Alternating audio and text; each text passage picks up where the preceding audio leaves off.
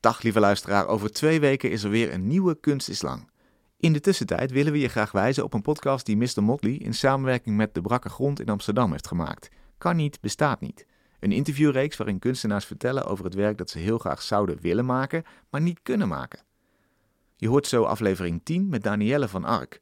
Veel luisterplezier en tot volgende week.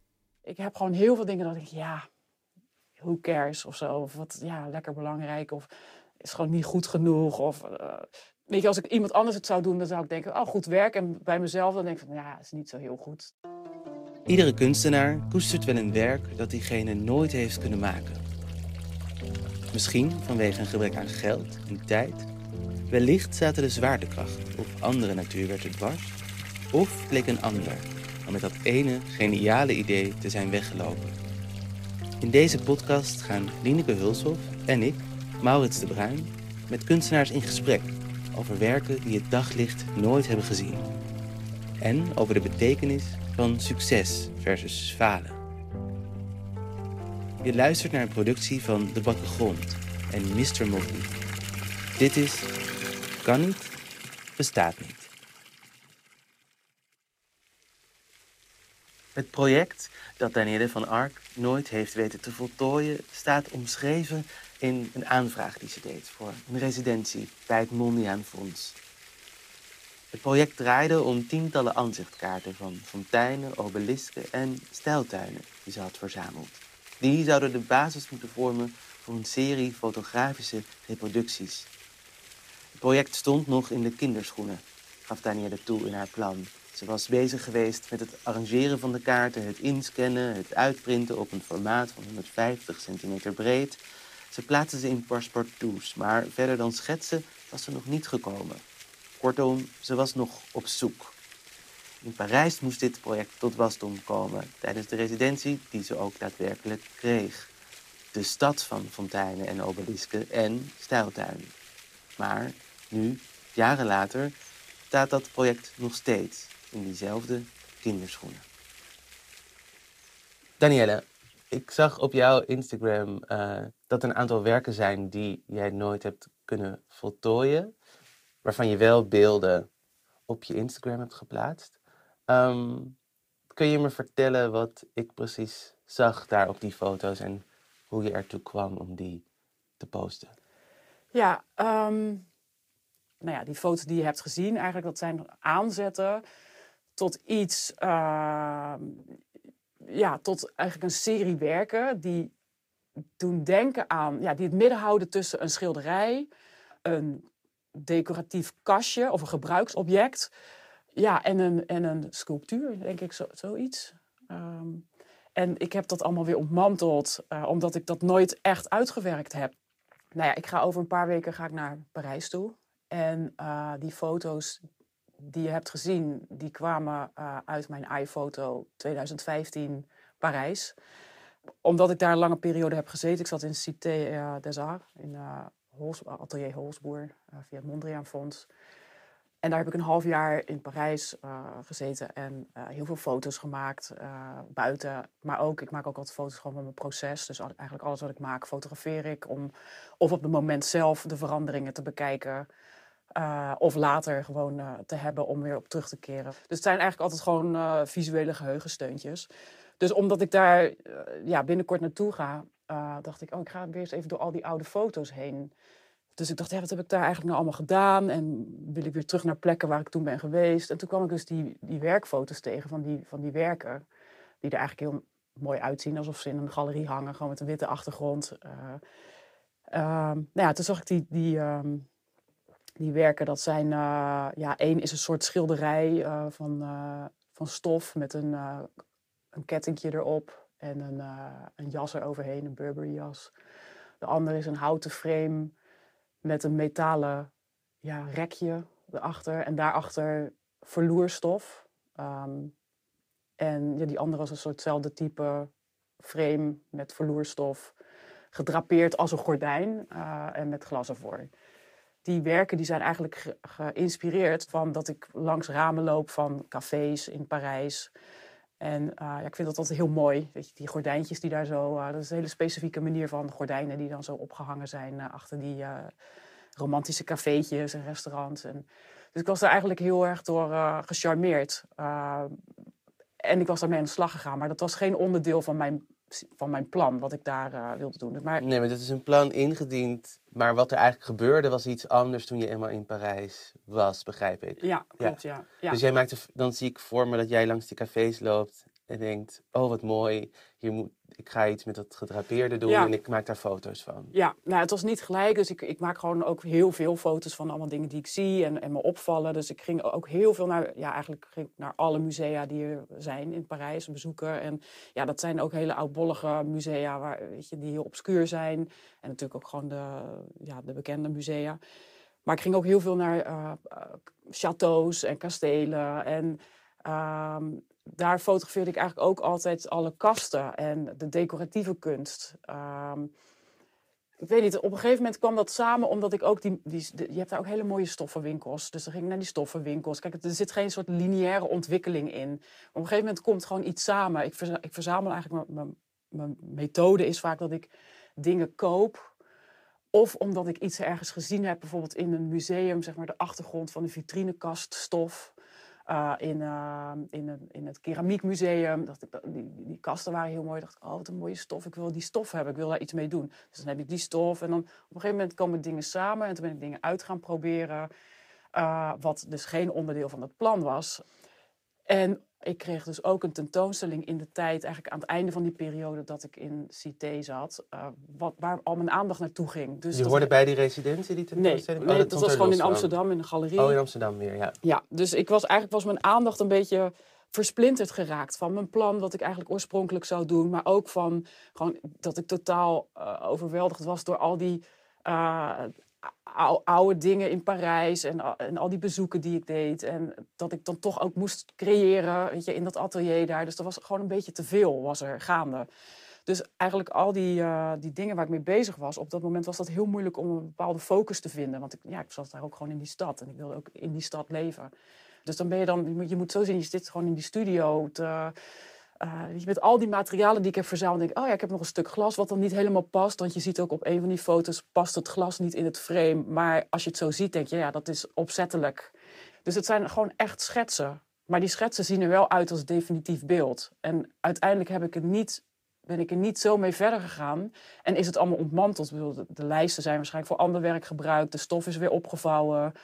Uh, die jas die zit ook ergens in een doos met allemaal kledingstukken die ik misschien ooit nog ga gebruiken voor werk. Maar toen ik dat weer tegenkwam, toen dacht ik, nou ja, wat zonde eigenlijk. Weet je, het ziet er gewoon uit als, als afwerk, maar dat is het niet. En wat is dan dat ik dat toen niet goedkeurde? Of dat ik dat toen niet verder heb gezet? wat maakt dat het schetsen zijn en geen afwerken voor jou? Uh, nou ja, omdat ik... Ja, en dat is denk ik een goede vraag. Ja, is, wat maakt dat? Is dat omdat ik het uh, omdat het nooit getoond is, omdat ik het uh, toch nooit. Ik heb ook nooit. Alle drie die werken die op internet staan, die heb ik nooit als definitief gezien. Dus wat ik zeg, er zat dan glas in, wat eigenlijk best wel werkte, dat het te kort was, dat het niet helemaal raamvullend was, maar juist een half frame glas was. Ja, ik heb gewoon nooit dat ik stond van, ja, nu is het gewoon klaar, weet je. Dit is het definitief beeld en nu ga ik aan een volgende beginnen. Dus ik bleef daar een beetje omheen draaien. En ja, op een gegeven moment dan ben je gewoon alweer verder. Omdat alles zo vluchtig gaat. En ik was met die tentoonstelling bezig. En toen ontwikkelde er toch ook andere werken... waar dat misschien dan niet meer zo evident was... dat er dan zo'n zo'n decoratief, ja, raar niet te definiëren werk... Wat, wat een schilderij kan zijn, maar wat ook... Of misschien zelfs wel refereert aan oudbollige soort jaren zestig kunst. Weet je, met zo'n jas en het, paste gewoon niet. Dus dat heb ik dan laten liggen. En nu ik het weer zag en weer naar Parijs ga, dacht ik van...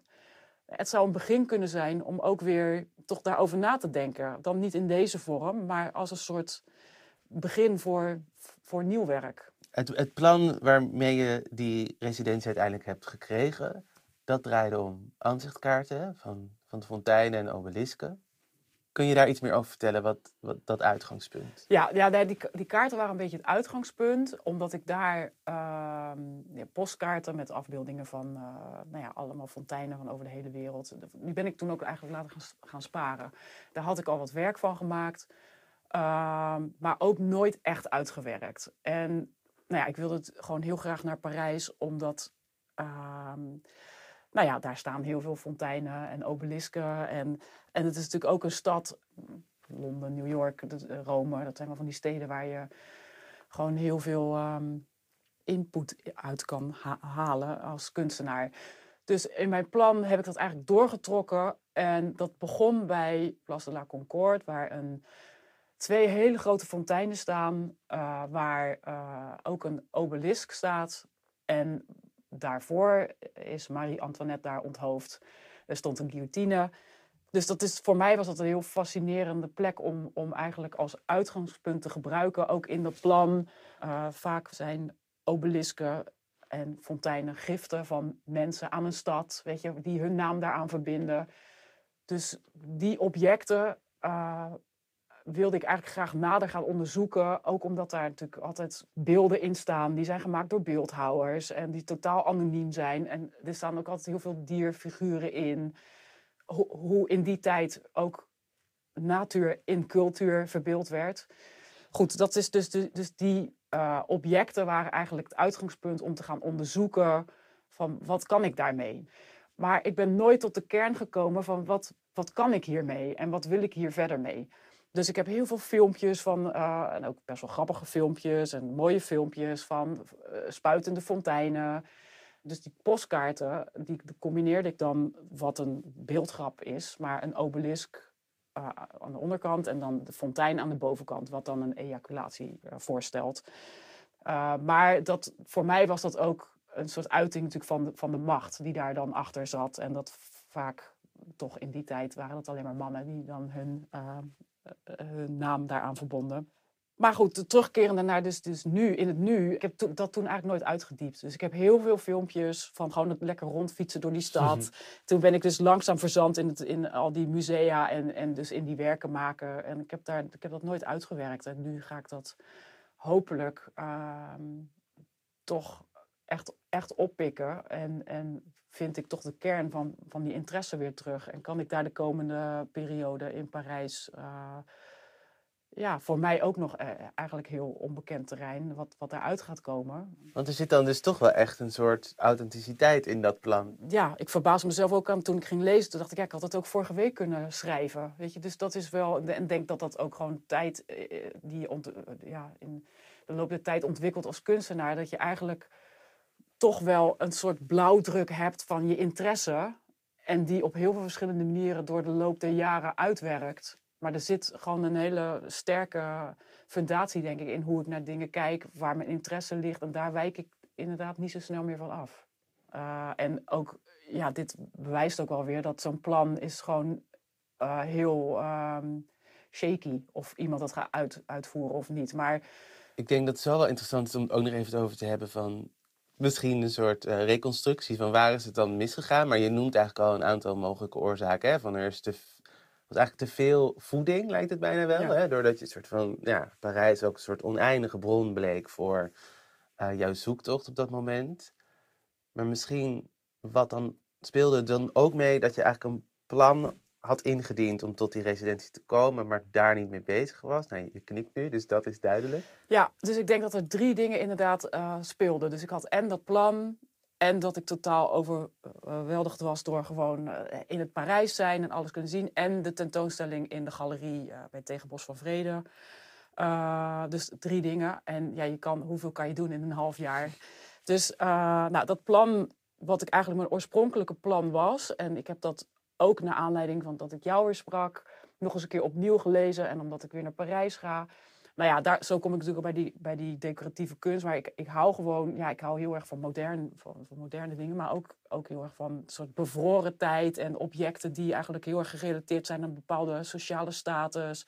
Eigenlijk sta je gewoon in een nieuwe tijd naar dingen te kijken waar zoveel geschiedenis in staat. Bevroren, wat eigenlijk helemaal losgeweekt is van zijn originele uh, functie.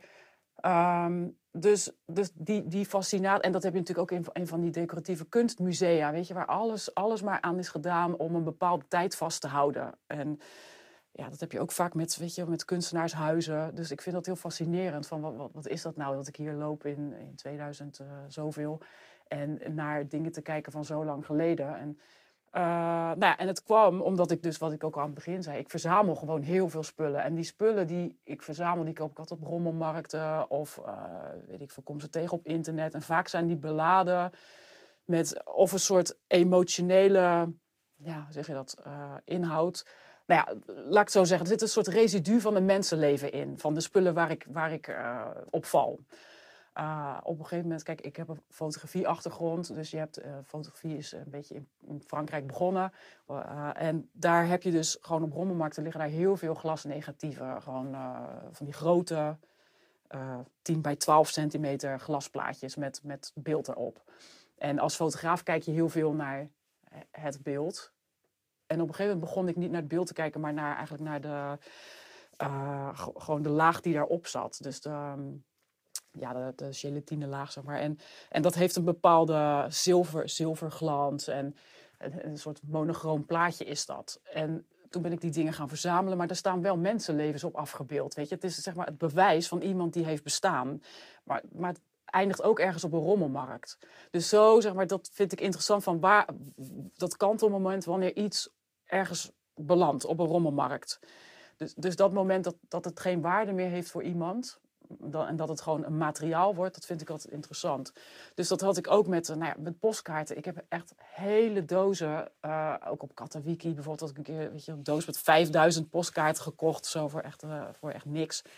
Dus zo, en dan ook een beetje zoeken van ja, wat zit hier nou in? En, en nou, toen ben ik dat gaan categoriseren. En toen kwam ik eigenlijk heel veel fonteinen ook tegen en obelisken. Dus, en daar ben ik toen combinaties mee gaan maken. Dus eigenlijk is dat zo de, gewoon door die dingen heen gaan. Er zijn ook een aantal werken uit voortgekomen, ja, toch? Het is niet dat dat klopt, ja. helemaal mislukte ingang is in de praktijk. Het is gewoon onderdeel ook van je werk geworden uiteindelijk. Klopt, ja, Die combinaties. Maar ook heel veel dingen die ik dan heb uitgeprobeerd met die postkaarten.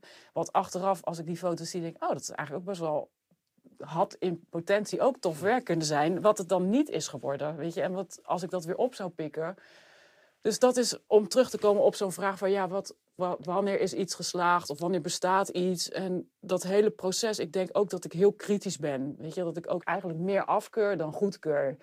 En ja, ik weet ook niet of ik dan boven gemiddeld ben of dat ook een interessante vraag, weet je. Met zeg maar, denk ik voor kunstenaars van in, in welke marge speel ik met dat je iets afkeur of niet. Of, uh, ik heb gewoon heel veel dingen dat ik, ja, who cares of zo. Of wat, ja, lekker belangrijk of is gewoon niet goed genoeg. Of uh, weet je, als ik iemand anders het zou doen, dan zou ik denken, oh, goed werk. En bij mezelf dan denk ik van, ja, is niet zo heel goed. Dus, en waar dat dan aan ligt, is, ja, weet ik ook niet precies. Maar dus het wordt gewoon heel veel, ga, zet ik gewoon niet door. En dan zie je dus ook wel eens bij andere mensen ja. elementen van ideeën die jij niet hebt uitgewerkt. En dan denk je, shit, daar is het gewoon. Ja, dat klopt. Ja, dat, dat, is, dat is natuurlijk gewoon. Uh, kijk, je hebt gewoon overlappende ideeën. Vooral met kunstenaars die vanuit dezelfde rode lijn eh, thema's werken of materialen. Of, en dan zag ik wel eens inderdaad werk op een beurs of gewoon in een galerie. En dan dacht ik, nou, dit wilde ik ook maken.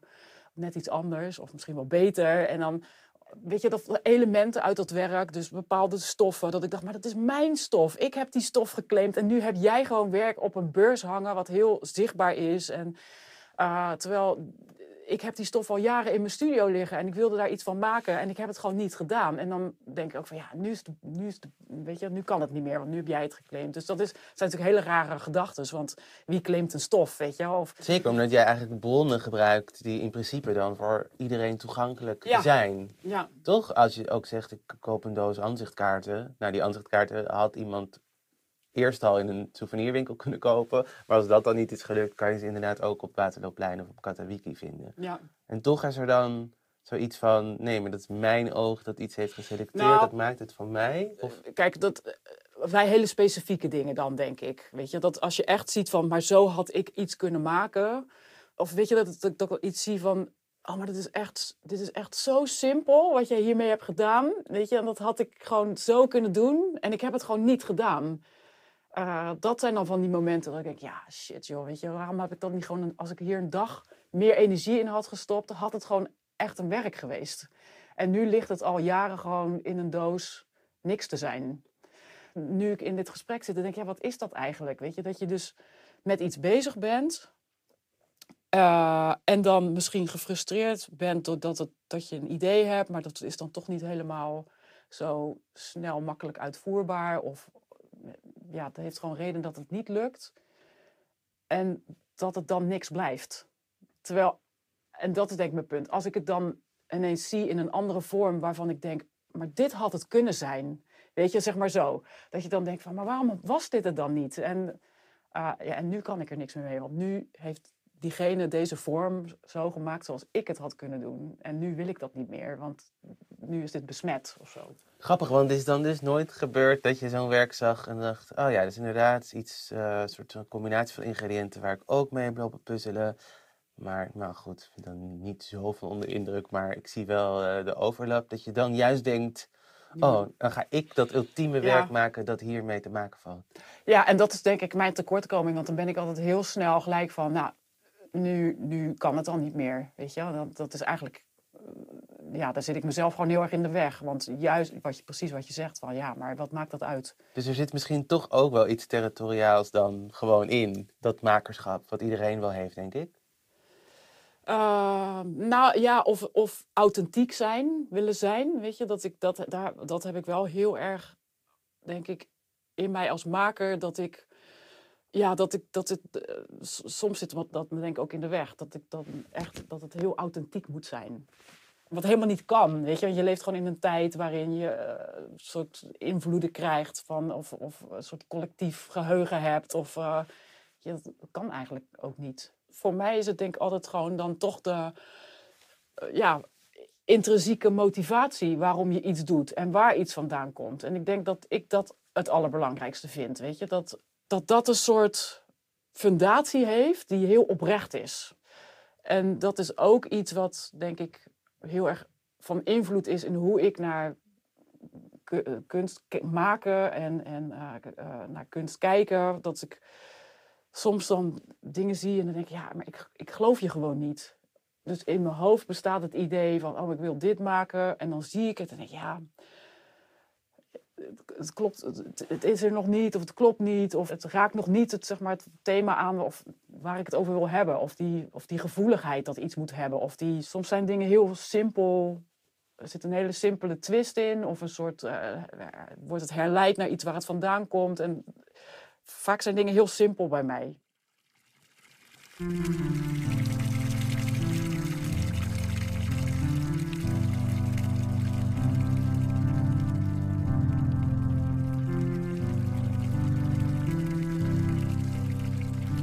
Heel veel met muziek altijd bezig geweest. En ik denk dat er zitten heel veel parallellen tussen, uh, vind ik wel, tussen de mu muziekwereld en de kunstwereld. En uh, nou, ik ben dan uh, veel met bandjes op tour geweest, de wereld over. En dan zit je, weet je met een bepaalde groep mensen in een busje. En, en dan heb je bepaalde gesprekken en een bepaalde blik op de wereld. En dat is voor mij heel vormend geweest ook over hoe ik dan ook met kunst bezig ben. Um, kijk, kunst heeft natuurlijk, je maakt uh, dingen die toon je, dat wordt opgehangen ergens als je geluk hebt in een, of aangekocht. Of het gaat gewoon je opslag in en dan staat het daar een soort comateus te wachten tot het weer eens een keertje getoond wordt. Dus ik ging daar gewoon over nadenken, weet je, ook over als je, uh, nou ja, ook hoe wij als kunstenaars, hoe je aan inkomen komt en dat het een hele, toch een heel fragiel beroep is.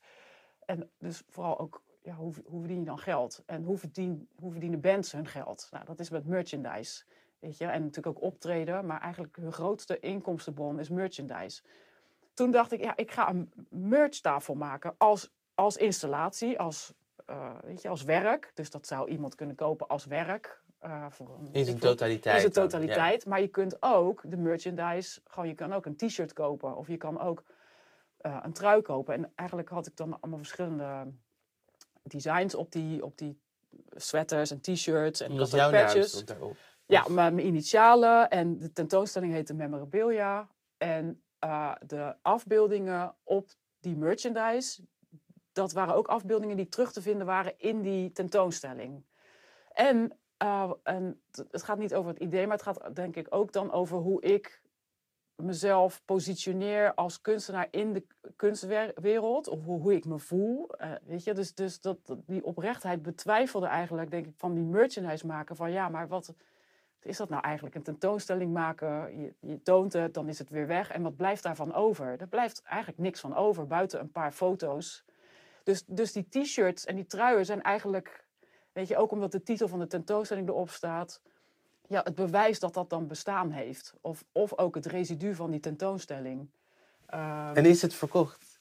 ik heb heel veel t-shirts verkocht en heel veel sweatshirts. En ook aan, vooral aan vrienden, want die begrepen natuurlijk gelijk, zeg maar, ook die van, oh ja, weet je, dat is, die ook met muziek bezig waren, die, die, die, die vonden dat heel grappig. Uh, ook wel gewoon aan bezoekers, die hebben ook wel t-shirts uh, gekocht en truien, maar die als installatie niet. Dus dat is inderdaad ook de vraag van, ja, hoe werd dat dan gelezen? Werd dat dan gelezen als installatie? Of, of zou dat dan ook op zichzelf kunnen staan, gewoon ergens in een museum als werk?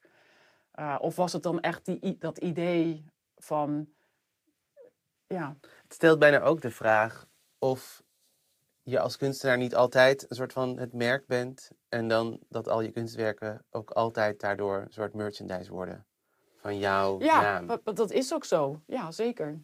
Ik denk dat dat ook zo is. Alleen is die merchandise, dat is wel een goeie dat je dat zegt, want die merchandise is maar uh, mijn kunst is natuurlijk maar voor een heel select groepje mensen uh, toegankelijk. Weet je, die dat geld daarvoor neer willen leggen.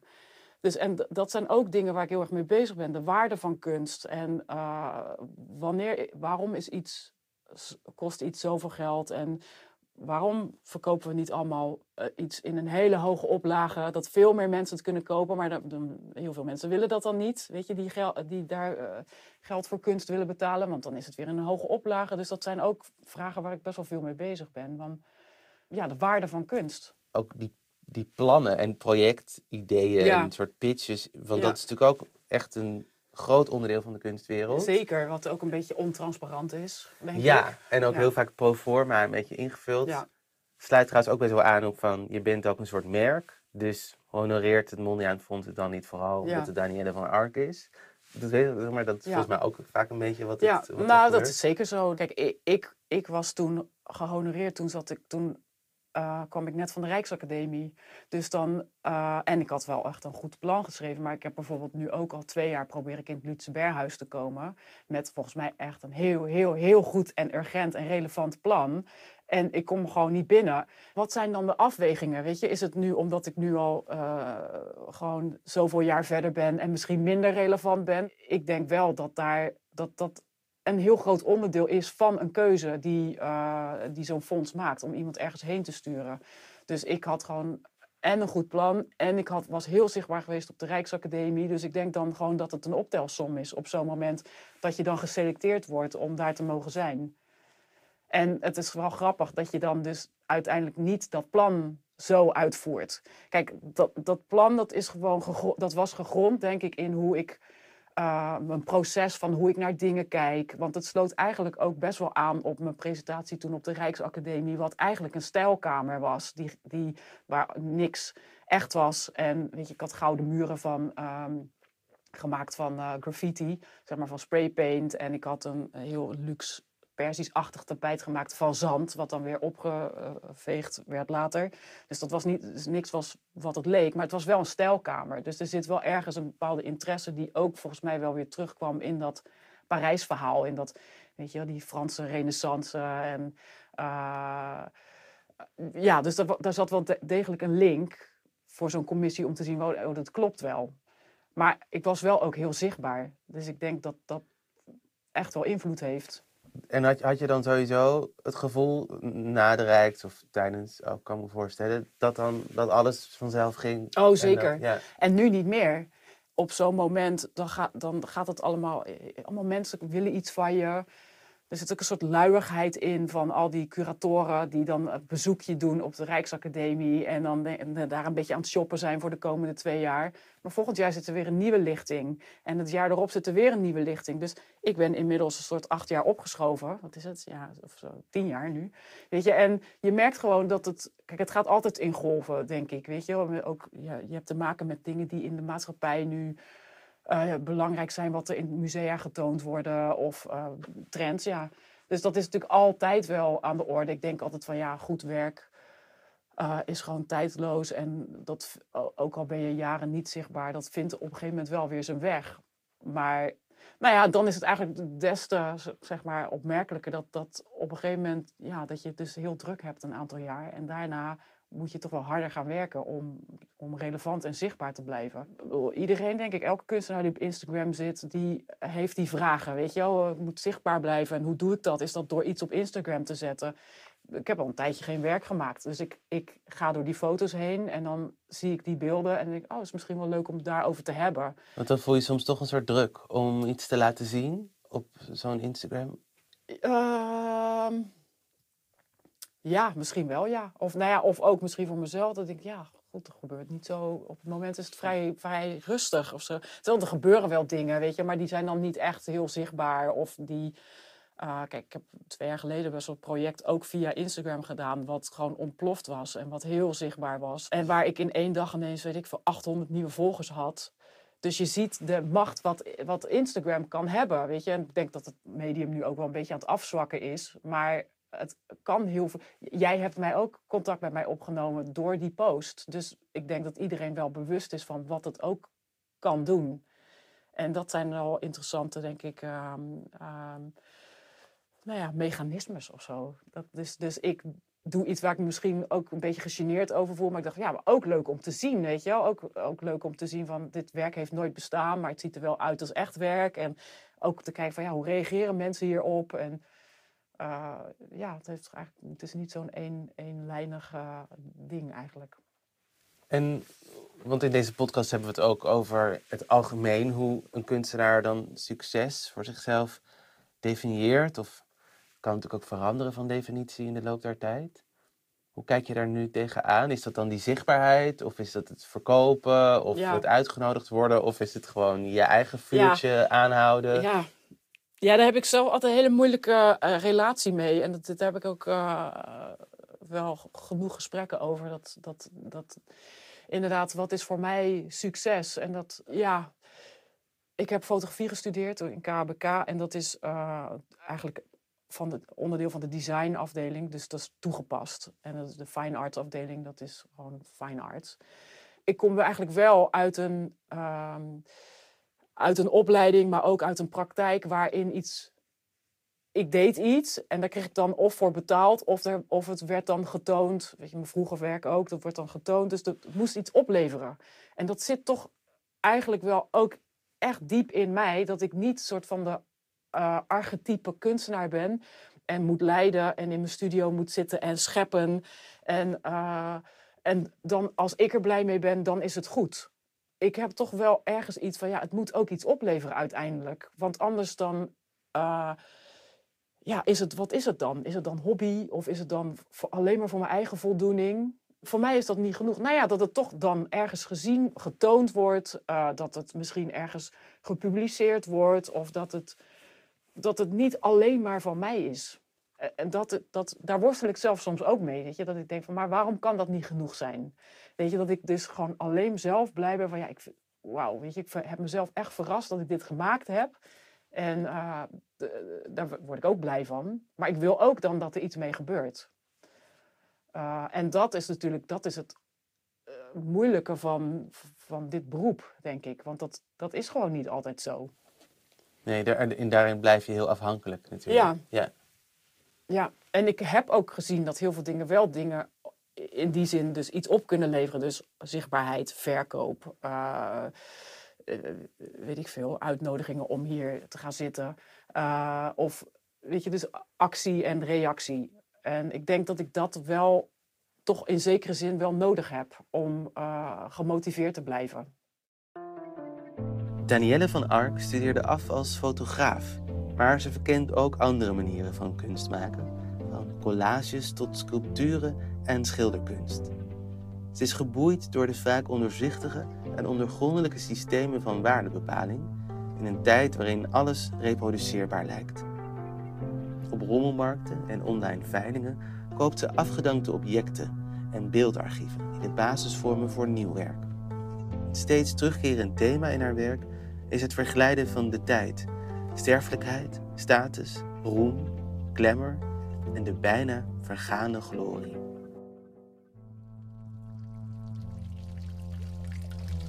Kan niet bestaat niet is een productie van Vlaams Cultuurhuis De Brakke Grond en Mr. Motley. Deze aflevering werd gepresenteerd door mij, Maurits de Bruin. De edit, muziek en het sounddesign zijn afkomstig van Marie de Broek. Deze aflevering had niet gemaakt kunnen worden zonder Lineke Hulshoff, Sophie Dochterom, Laure van den Hout en Wimke Dekker. De vormgeving is afkomstig van Noemi Biro. Kan niet bestaat niet kwam tot stand met steun van het Mondriaan Fonds.